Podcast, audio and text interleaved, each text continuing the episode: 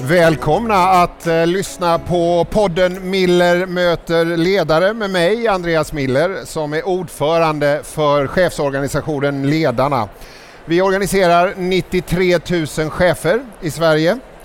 Och vi befinner oss idag på Kvalitetsmässan i Göteborg. Det går nog inte att ta miste på. Det är ett sånt där mäss-slammer eh, som alltid blir på sådana här. Det här är en mässa som fokuserar på utvecklingen av verksamheter inom offentlig sektor och dagens gäst är socialminister Lena Hallengren. Tack Välkommen. Tack så hemskt mycket. Eh, och en stor publik har kommit här också och sitter här och lyssnar. Ni är också varmt välkomna. Eh, vad betyder det för dig som socialminister att vara på en sån här kvalitetsmässa? Ja, ja det är ju, dels är det ju spännande förstås i den mån som jag hinner mingla runt och titta på alla utställningar. Det är ju hur mycket som helst, men det är också väldigt spännande att vara här och få fokusera på, på några saker som ledarskap till exempel, för det spelar väldigt stor roll. Det här är ju en, ja, men en bra mässa och kul med ledarskapsdiskussioner. Mm. I förra veckan så presenterade du en nationell samordnare för äldreomsorgen om man sammanfattar en lång titel. Eh, det är förre IF Metallordförande Göran Jonsson och i din presentation av honom så lyfter du ledarskapets betydelse för att möta utmaningarna inom äldreomsorgen. Eh, hur ser din bild ut av en chef i offentlig sektor? Dels vill jag säga att hans uppdrag är ju väldigt mycket eh, kompetensförsörjningen för ja. äldreomsorgen är precis hur mycket som helst. Men det går ju, jag kommer in men på väldigt mycket jag annat. Jag är ju intresserad av ledarskap i den här podden. Ja, precis, absolut. men ledarskapet spelar då en väldigt stor roll naturligtvis. Om ja. man ska kunna locka personal, behålla personal, få en attraktiv arbetsmiljö, schyssta villkor. De sätter man ju inte själv som medarbetare, naturligtvis inte. Så ledarskapet är jättebetydelsefullt. Men om du frågar mig hur bilden är av ledarskapet idag så får jag säga att det är klart att det ser olika ut. Det är ju alltid svaret för en verksamhet som ja. bedrivs av 290 kommuner. Men min bild är också att jag tycker inte att man alltid får schyssta förutsättningar att bedriva det där bästa ledarskapet som man skulle kunna utifrån att man har väldigt många medarbetare. Eh, jag menar, ledarskap kräver tid eh, för att kunna vara liksom omsorgsfullt och strategiskt. Jag reser runt ganska mycket i mitt jobb som ordförande för ledarna och träffar chefer och ledare. Eh, och de är ju, när jag träffar chefer och ledare i offentlig sektor så är de många är väldigt otroligt stolta över sitt uppdrag och de känner att de jobbar i demokratins tjänst. Och, mm. ja, men, och det är ju en, en vacker berättelse men i, det finns också en annan berättelse och det är den du är inne på. Man mm. upplever att det är alldeles för stora grupper, det är för mycket administration och alldeles för lite tid att vara chef och ledare. Mm. Vad tänker du om det där? Jag tänker att de har en jättepoäng. Dels så så är de ju chefer för liksom välfärdens kärna på något sätt, för den svenska modellen. Det är de som ska göra att vi alla känner oss trygga. Både när vi får barn och när man sen, om vi tar äldreomsorgen, när man blir själv blir äldre eller man har äldre föräldrar och så vidare. Så att de är otroligt viktiga. Ehm, men med det sagt då så, så är det klart att administration, byråkratin och citationstecken, det är ju inte det man vill ägna sig åt. En del av det där är oundvikligt, det behövs eh, dokumentation, men det måste finnas tid. Mm. Jag tycker att det är helt centralt och så kan man diskutera vad som krävs för att de ska få mer tid, men, men en del av det är förstås att inte ha hur många medarbetare som helst, för då räcker inte tiden till. Det, känner, det är en ganska enkel ekvation som jag ändå vågar mig på att göra. Ja. ja, men du, jag fattar ju, du är socialminister, du kan inte gripa in i varje kommun, jag har självbestämmandet och så. Men om du ändå funderar över vad är det politiken kan göra för att skapa bättre förutsättningar mm. för chefer och ledare? Ja, men även om jag som socialminister inte kan styra upp varenda äldreboende, varenda hemtjänstgrupp så är det klart att det är ju politiker ute i landet i varenda kommun som sitter och som ansvarar för verksamheten. Så politiken vill jag säga har ju ändå möjligheter att gå in och ge förutsättningar. Jag tror det handlar om att vara väldigt nyfiken. Nu ska jag inte läxa upp alla lokala politiker, det är inte min avsikt, men man måste ju vara väldigt nyfiken och fundersam på om det inte riktigt funkar. Vad beror det på? Man måste vara lyhörd inför de som man förväntar sig ska göra jobbet varje dag eh, och fundera över, får de schyssta villkor rent utbildningsmässigt, resursmässigt. Vi vet, och det kommer ni att höra på vilket seminarium ni än är på den här kvalitetsmässan, att det är det är, resurserna räcker inte till och det ser inte ljusare ut de kommande åren. Hur ska vi liksom kunna bibehålla god kvalitet? Men lokalt måste man ändå kunna ge bättre förutsättningar därför att annars blir det det blir ju inte bättre kvalitet om inte medarbetarna trivs, om inte cheferna funkar. Men du, när jag pratar med politiker så säger de att det här, det är sånt, de står i ett sånt dilemma så att säga. Resurserna ökar inte i många kommuner, de minskar. Vi ser nu Dagens Samhälle som eh, jobbar här också på den här mässan sa att 90 kommuner kommer gå back. Eh, man sliter med underskott. Hur ska man ändå hålla den eh, bild som du målar levande som, som politiker gentemot eh, den offentliga sektorn? Alltså dels är det intressant om en kommun går back. Det är ju liksom ingen vinstmaskin en kommun utan de ska ju liksom se till att plus och minus går ihop och leverera välfärd. Eh, och många kommuner får höja skatten och det är inte så himla konstigt om man nationellt har sänkt skatterna med 150 miljarder de senaste åren och jag syftar ganska mycket på de åtta borgerliga åren som visserligen börjar bli en tid sedan. Men så länge man inte höjer tillbaka de skatterna så är det klart att det är mindre gemensamma resurser att använda. Då kanske man höjer skatten lokalt. Men någonstans så tänker jag att alla de förbättringar som är möjliga att göra handlar inte alltid om pengar. Utan många gånger handlar det om att göra saker smartare, att rusta medarbetarna kompetensmässigt, förutsättningar att arbeta liksom i team, att, att gå igenom sin verksamhet och se vilken administration kan jag plocka bort. Och jag säger det bara därför att jag reser också väldigt mycket. Mm. Och med samma förutsättningar, med samma resursfördelning, i samma, med samma lagstiftning så kan ju vissa kommuner inom vissa delar av sin verksamhet göra fantastiska resultat.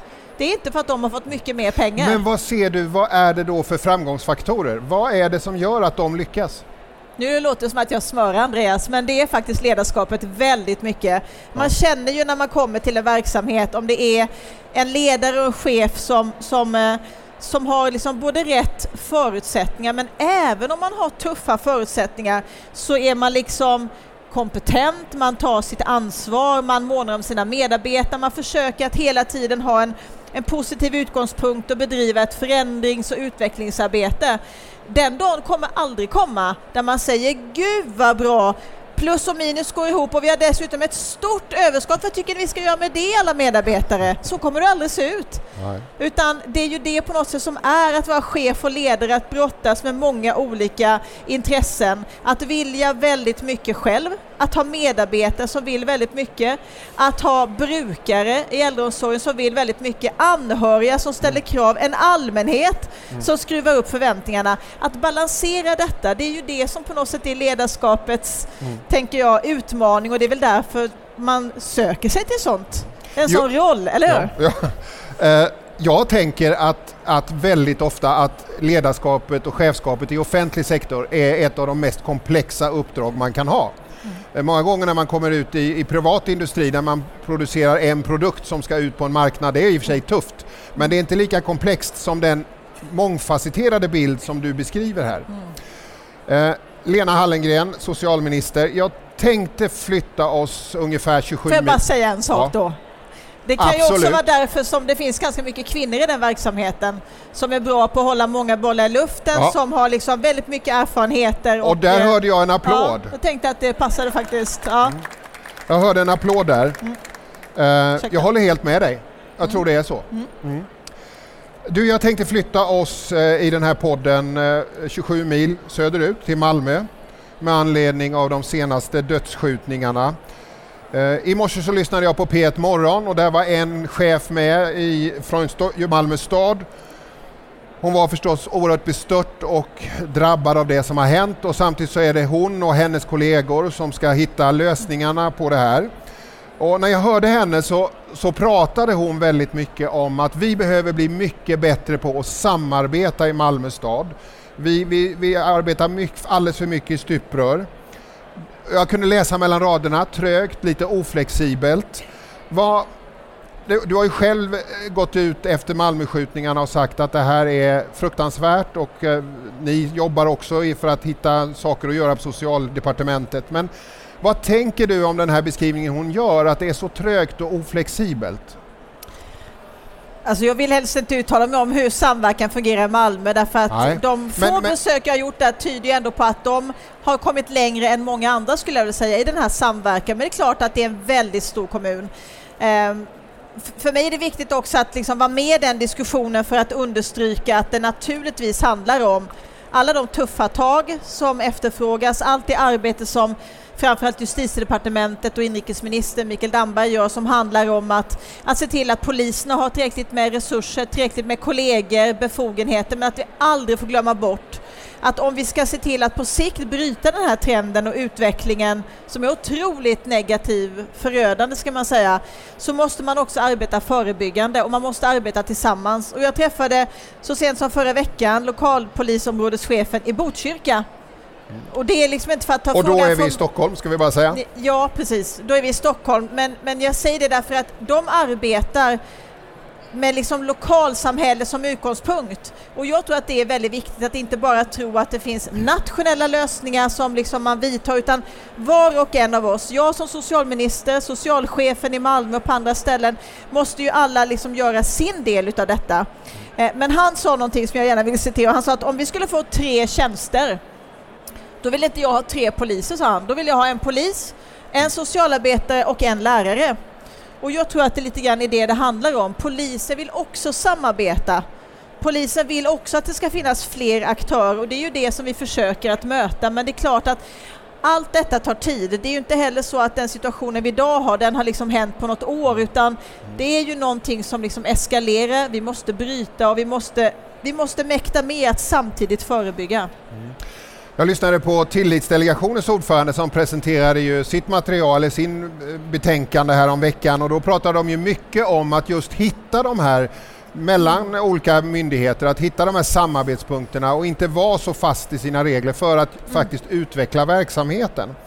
Eh, men du, det här att leda en politiskt styrd organisation, det beskrivs ju ofta som ganska utmanande för chefer i offentlig sektor. De ska vara tydliga ledare och samtidigt genomföra en beslutad inriktning som de själva inte utformat. Eh, hur tänker du på det där som politiker? Att liksom, eh, hur ser du på den? Vad är, vad är politikens viktigaste uppgift i relation till förvaltningen? Nej, men politiken är ju att vara folkets företrädare. Alla de som inte har möjlighet att vara med och styra och ställa och peka ut riktningen, de förväntar sig att jag som förtroendevald och alla andra politiker liksom för deras talan. Jag tycker man glömmer bort det ibland. Det är som att jag skulle företräda någon sån här stor stat, odefinierbart vad.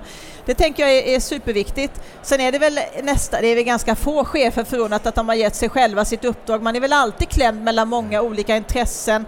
Någon har definierat och antingen är är det politiken som har talat om att det här är målet ni ska uppnå eller är det ett företag som säger den här vinsten ska ni leverera. Så att, men det är klart att för mig handlar det ju alltid om att försäkra mig om att jag, de beslut vi fattar ska vi grunda väl. Det handlar inte om att sätta upp ett blött finger i luften, även om jag tycker att många politiker ägnar sig åt det för tillfället. Det är ju inte syftet, utan om vi har ett mål någonstans, hur, hur tar vi oss liksom sakta men säkert dit? Hur kan jag bidra med de förutsättningar jag har, men hur underlättar jag för alla andra som behövs för att vi ska nå det här målet? Eh, för det är ju, om vi bara backar till liksom gängkriminalitet och skjutningsdiskussionen i Malmö, det är ju sannoliken inte en man eller kvinnas jobb, utan här är ju verkligen en fråga om samarbete och samverkan, vilket Malmö har förstått och vilket fler behöver liksom inse att det är inte läge liksom att men när jag, nej, men, men när jag, när jag träffar chefer och ledare inom offentlig sektor så säger de att det politiska landskapet har ju blivit så mycket osäkrare mm. idag än vad det har varit och att det också påverkar deras möjlighet att, att så att säga bedriva en långsiktig, eh, långsiktigt arbete därför att ja, det sker kommer, man vet inte riktigt hur länge håller den här majoriteten och hur långsiktigt är det här arbetet?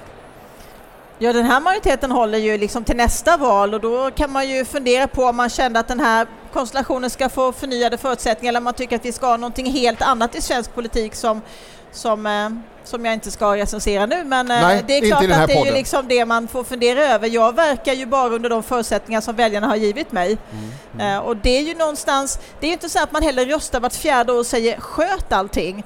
Man kan ju förhålla sig så. Men är man chef, är man ledare, är man liksom delaktig i att liksom varje dag skapa välfärd, måste man ju engagera sig däremellan. Jag har precis eh, varit på Salgrenska till exempel, vilket var ett jätteintressant möte på på deras, eh, både på onkologen och på strålskydd och sådär och resonerat med dem, eh, strålavdelningen, och bara resonerat lite grann kring hur ser det egentligen ut med cancervård för att liksom relatera till hur är det i den allmänna debatten? Det låter ju ibland som att nej, det är mycket brister, svårt, mm. hur ska vi hantera det här, bli inte sjuk. Och då tyckte jag det var så befriande när cheferna inledde med att säga, är det någonstans i världen som man ska föda barn, eller som man ska drabbas av cancer så är det Sverige för vi är unika. Vi skulle stå på prispallen 1, 2, 3 varenda år om det var den typen av liksom prisutdelning som gavs. Mm. Så någonstans så behöver liksom alla vara med och ge sin bild utav hur det faktiskt ser ut. Man kan liksom inte bara tänka att någon annan sköter det utan de behöver också bidra liksom till att sprida den bilden så att vi vänder lite av debatten tror jag.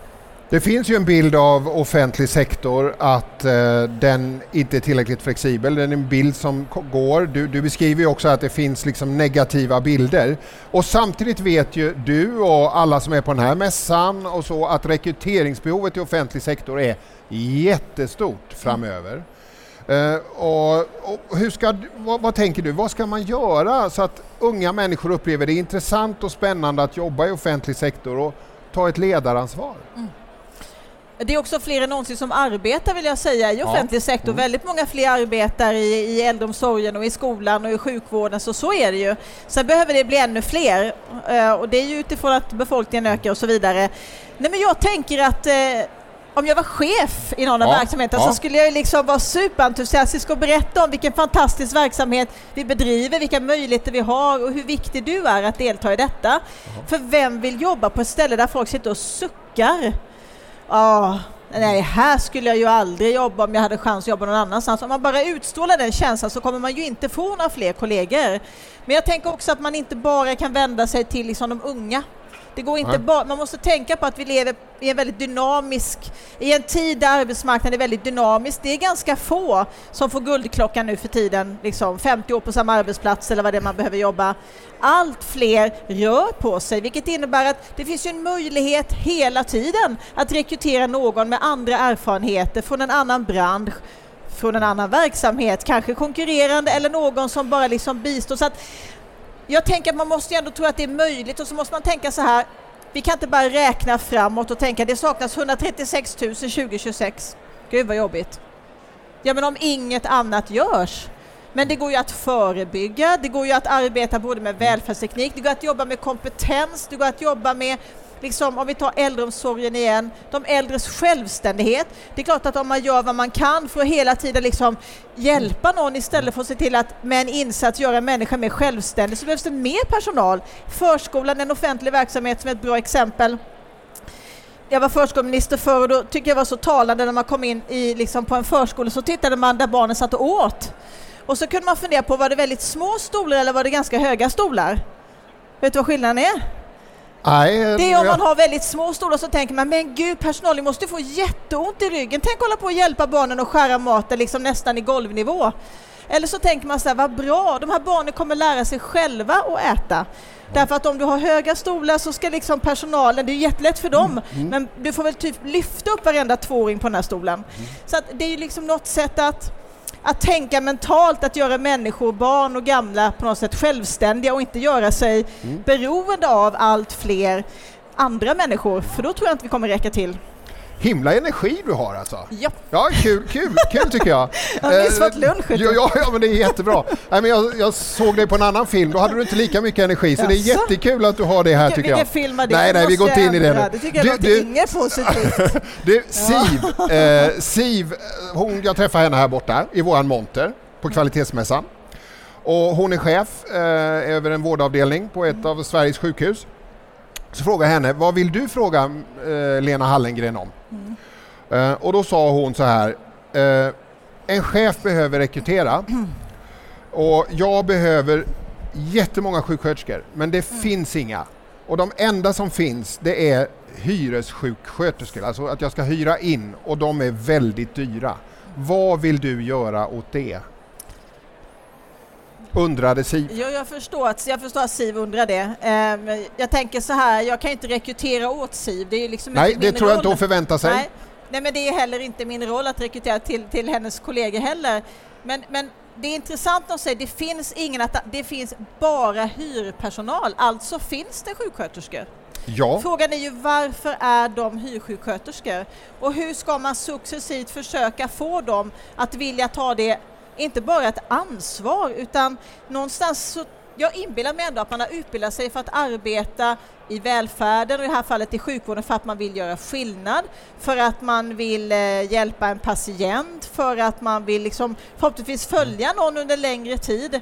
Va, va, hur skulle man kunna förändra arbetssituationen så att den där hyr sjuksköterskan faktiskt ville jobba mer permanent. Jag tänker den, den tanken Men måste hon man... beskrev ju en situation som chef att hon Ja, jag hade förstår. hälften av personalen tjänade ungefär här uppe Ja, och hälften förstår. av personalen Jag tjänade förstår. här. Och där tycker jag att frågan kan ställas bland annat till SKL faktiskt. Ja. Någonstans så gör man ju avtal som säger under vilka förutsättningar rekryterar man, med vilken lön rekryterar man bemanningspersonal. Jag förstår att man sitter i en situation där man inte kan säga vi tänker inte ta in någon hyrpersonal för alternativet är att man inte har någon kanske. Men, men det är ju också ett katt och råtta lite grann där man måste fundera på hur länge ska man bli jagad? När kan man liksom sätta och vad kan man sätta emot? Jag tycker att det är en fråga som, som mer bör ställas faktiskt till alla de som är arbetsgivare och som brottas med den frågan faktiskt. När ledarna har tagit fram statistik om chefens förutsättningar så Mm. kan vi se att i kvinnodominerade yrken inom offentlig sektor så har kvinnorna som är chefer, de har högre utbildning, de har mer ansvar, de har större arge- arbetsgrupper men Ja. de har sämre lön än män som är chefer i mansdominerade yrken. Hur kan det vara så 2019? Nej men det enkla, tråkiga svaret det är ju ändå att vi har ju gemensamt bestämt ungefär hur mycket vi vill avsätta till, till välfärd. Och den ska räcka till både chefer och medarbetare, till utrustning, till boenden och mycket annat. Och det är liksom på någonstans det det handlar om. Vi måste ju, dels så tycker jag att det inte bara är kvinnor som ska bli offentlig sektor för det första. Det tycker jag är en utmaning i sig att vi är väldigt liksom segregerade på arbetsmarknaden.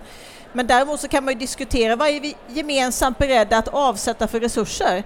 Vi har haft en skattedebatt många gånger och varje gång som jag säger att, att borgarna sänkte skatten med 140 miljarder så säger någon Ja, ja, men det var ju så länge sedan, sluta prata om det nu. Det är klart att det hänger i. Alla de miljarderna som man tycker att det ska var och en ha i plånboken. Nu har ju massa chefer och sjuksköterskor och lärare fått sänkt skatt. Då är ni väl nöjda med det? Om vi aldrig vågar ta den diskussionen. Var, Men- skulle, var skulle de resurserna komma ifrån som ger stora löneökningar som liksom inte har... Det finns ingen vinstmaskin. Vi kan liksom inte höja priset på någonting för att få in ökade intäkter utan det är ju i mångt och mycket skatten, tack och lov, det handlar om för så finansierar vi vår gemensamma välfärd. Men du, jag läste Arbetsmiljöverket, de hade tittat på 113 kommuner om första linjens arbetsvillkor inom vård och omsorg och då konstaterade man att eh, det var 99 procent av arbetsgivarna behövde göra åtgärder för att skapa bättre förutsättningar för de här cheferna. Men också en sak, om man läste längre, lite, lite längre bak i den här utredningen så kunde man också se att det var ju kommuner där inom kvinnodominerade eh, områden inom kommunen så var chefslönerna mycket lägre än om man gick till de mansdominerade områdena i kommunen. Vilka var det? För höra. Vilka kommuner det var? Nej, men jag menar hur många mansdominerade Ja, men tekniska avdelningen till exempel, okej. de Ja. hade betydligt mer Ja, i lön men de är ju jämför... så små, men det är det jag Ja, menar, de är men- så små, det är det som är problemet. Om vi vill se en skillnad Men problemet Inte är väl att det är så stora skillnader? Ja, Det är ett problem att det är stor skillnad, men även om vi liksom om vi, om vi halverade lönen på tekniska kontor så räcker ju inte det till någonting som ger någon större löneökning på det andra stället. Jag håller med om att det är skevt, men jag vill ju framförallt se en ökning av lönerna. Jag tycker att det vore schysst att de som jobbar och tar stort ansvar för välfärden får höjda löner. Men det är en väldigt stor grupp. Skola och äldreomsorg i kommunens budget är väl en 85-90 procent. Vad säger några kommunföreträdare som står och nickar? Jag menar, det är, det är ju liksom det som våra skattemedel går till. Och om vi tycker att det liksom inte är så viktigt utan vi ska hålla skatten och kanske lite sänka den om det går, ja men då har vi gemensamt faktiskt bestämt oss för vad ambitionsnivån är. Därför att det finns ingen det finns ingen i världen som liksom kan trolla fram resurser någon annanstans ifrån. Men, men skatten, jag fattar hur du tänker och, Bra. och liksom hur, du, hur du rör dig runt den figuren. Tack. Men, men om du... Ganska basic är den faktiskt. Ja, ja, det, det, ja. Jag, jag, är helt med dig Ja, där hur du tack. tänker. Men, men, men nu var det ju egentligen inte det jag frågade om. Jag frågade ju liksom Jag om tycker det är attityder och, orättvist. och, Jag tycker det, och jag tycker det känns... Det är faktiskt skit att de på tekniska förvaltningen har högre lön. Jag tycker det. Ja, punkt. Ja, Men det hjälper ju inte dem i äldreomsorgen att jag tycker det, men det tycker jag. Jag tror, det- jag tror att det kan hjälpa dem i äldreomsorgen om du säger att det där inte är rätt. Det är Nej, inte, det är det är inte bra. okej att det ser ut så, Jag tror att de blir det glada. ut, Jag att tror det de blir gla- svensk arbetsmarknad. Andreas, jag tror de blir glada för att jag tycker det. Men vad jag vill komma till är ju att det är väldigt stor grupp som jobbar i äldreomsorg, i sjukvård, i skola. Ja. Så att man kan liksom inte tro att det räcker inte bara med lite vilja. Utan man måste ju förstå att någonstans ska pengarna komma ifrån. Då kan man inte liksom i ena änden säga sänkt skatt känns jätteviktigt och sen vill vi ha mycket höjda löner. Ja, men liksom, Mm, Det är inte bara en tanke jag har utan det är ett kommunicerande kärl. Det är en tanke som kommunicerar helt enkelt, det är så du Ja, tänker. det- Ja, men du, Tillitsdelegationen kom med sitt betänkande i juni 2018 och nu kom det också ett här alldeles nyss om staten, först var det kommun och landsting. Eh, Och man vill ju då jobba med ett mer till, tillitsbaserat sätt att styra i offentlig sektor och inte vara lika styrd av New Public Management-modellen. Eh, vad tänker du om den utvecklingen? Delar du den uppfattningen? Hur vill du se framåt? Ja, men New Public Management är ibland lite sådär, vad betyder det? Och liksom man svänger sig med lite engelska ord och så, men i grund och botten så handlar ju det Vad är det för dig? Nej men för mig handlar ju det om att man försöker liksom mäta resultaten. Ju mer man lägger ut, ju mer man låter bedrivas i annan regi, då vill man ju veta att pengarna används rätt. Vi har ju liksom hamnat i den fällan skulle jag säga, där man känner att om det nu är olika utövare, då ska alla ha liksom lika förutsättningar oavsett om det är offentligt eller privat. Och så vill man gärna veta att de privata använder pengarna, för det finns ju inte samma insyn. Så hur ska vi exakt mäta? Och någonstans så krockar ju den där viljan att mäta, att ha kontroll med liksom tilliten. Och tilliten, det, jag har ju själv svårt att bara säga varsågod privat aktör, här har du pengar. Kul om du genomför ungefär det här, men vi har ingen chans att riktigt kolla upp det. Och jag vet att ni i botten har ett vinstkrav. Men, men måste man sätta tillit och kontroll mot varann? Kan man inte sätta det ihop och säga att kontrollen kanske inte ska vara så kontrollerande utan mer lärande och att i det ligger det en tillit? Absolut, men jag vill bara säga att om det finns, en, om det finns två hemtjänstföretag, ett som är, bedrivs av kommunen och ett som bedrivs privat av en aktör som man då inte har samma insyn. Nu kan man säga jag litar på dem, absolut. Jättebra. Fast jag har inte kontroll. Med, liksom, kommunens invånare har ingen chans att liksom avsätta de cheferna på det sätt som man kan avsätta en politiker när något blir fel. Och om det nu är så nu håller vi ju inte på med några förslag som begränsar liksom vinsterna mer direkt, men man måste ju förstå att om det är så att man har en aktör som dessutom har vinstkrav på sig, så finns det ju anledning att man misstänker att det kommer drabba kvaliteten. Då blir man Men- väldigt angelägen om att styra och säga det här, det här, det här måste ni lova att ni gör. Och då Men- men blir har det du- till slut på bekostnad, skulle jag säga, av, av att man liksom kan sitta och göra den där egna bedömningen och att vi alla hela tiden vill ha väldigt mycket data, jämförelser. Därför att annars kan ju inte vi säga, är det bättre i den kommunen än i den? Vad tycker egentligen alla ledarna som, som befinner sig där? All, all den där kunskapen vi söker har ju någon varit tvungen att fundera över, skriva ner och mata in i något system. Om jag lyssnar på dig nu så låter det så du är inte så i- förtjust i tillitsbaserad styrning. Nej, det sa jag absolut inte. Jag säger att det försvårar väldigt mycket att vi har den, den ordningen i samhället där vi har väldigt mycket privata aktörer som själva bestämmer att de vill etablera sig. Det blir väldigt svårt att säga att jag har 100% tilltro. Här har ni en påse pengar. Gör gärna god hemtjänst för det. Jag vill säga att det försvårar det tillitsbaserade. Man måste förstå att det inte bara är en fråga om vilja utan vi har ju vissa förutsättningar som har förändrats över tid som lite grann har drivit oss dit hem. nu, nu tar ju du den, den privata perspektivet men man kan väl också tänka sig att det finns ju mycket kommunal verksamhet idag som där, där, där det tillitsbaserade ledarskapet kanske inte har varit så fullt utvecklat. Absolut är det så, men det är också så att om det är privata och offentliga aktörer som ska erbjuda och utföra likvärdig verksamhet så måste de ha likvärdiga förutsättningar. Och då blir det också konstigt om de ena inte behöver samma kontroller eller uppföljning eller eh, administration eller föra in data eller vad det nu kan vara, utan de ska lika behandlas samtidigt som det i grund och botten är väldigt olika förutsättningar. Lena Hallengren, den här podden börjar närma sig sitt slut. Eh, Vi är på Kvalitetsmässan. Du har dragit mycket publik. Det har tätnat under hela tiden du har pratat. Bra Eh, fråga. Ja, eller bra svar också tycker jag. Väldigt roligt och engagerat. Eh, tack för att du kom. Tack till podden jättemycket. Mille möter ledare här på Kvalitetsmässan. Och jag, ni som vill får gärna ge socialministern en applåd. Tack. Tack Lena! Tack snälla. Tack för att ni lyssnade!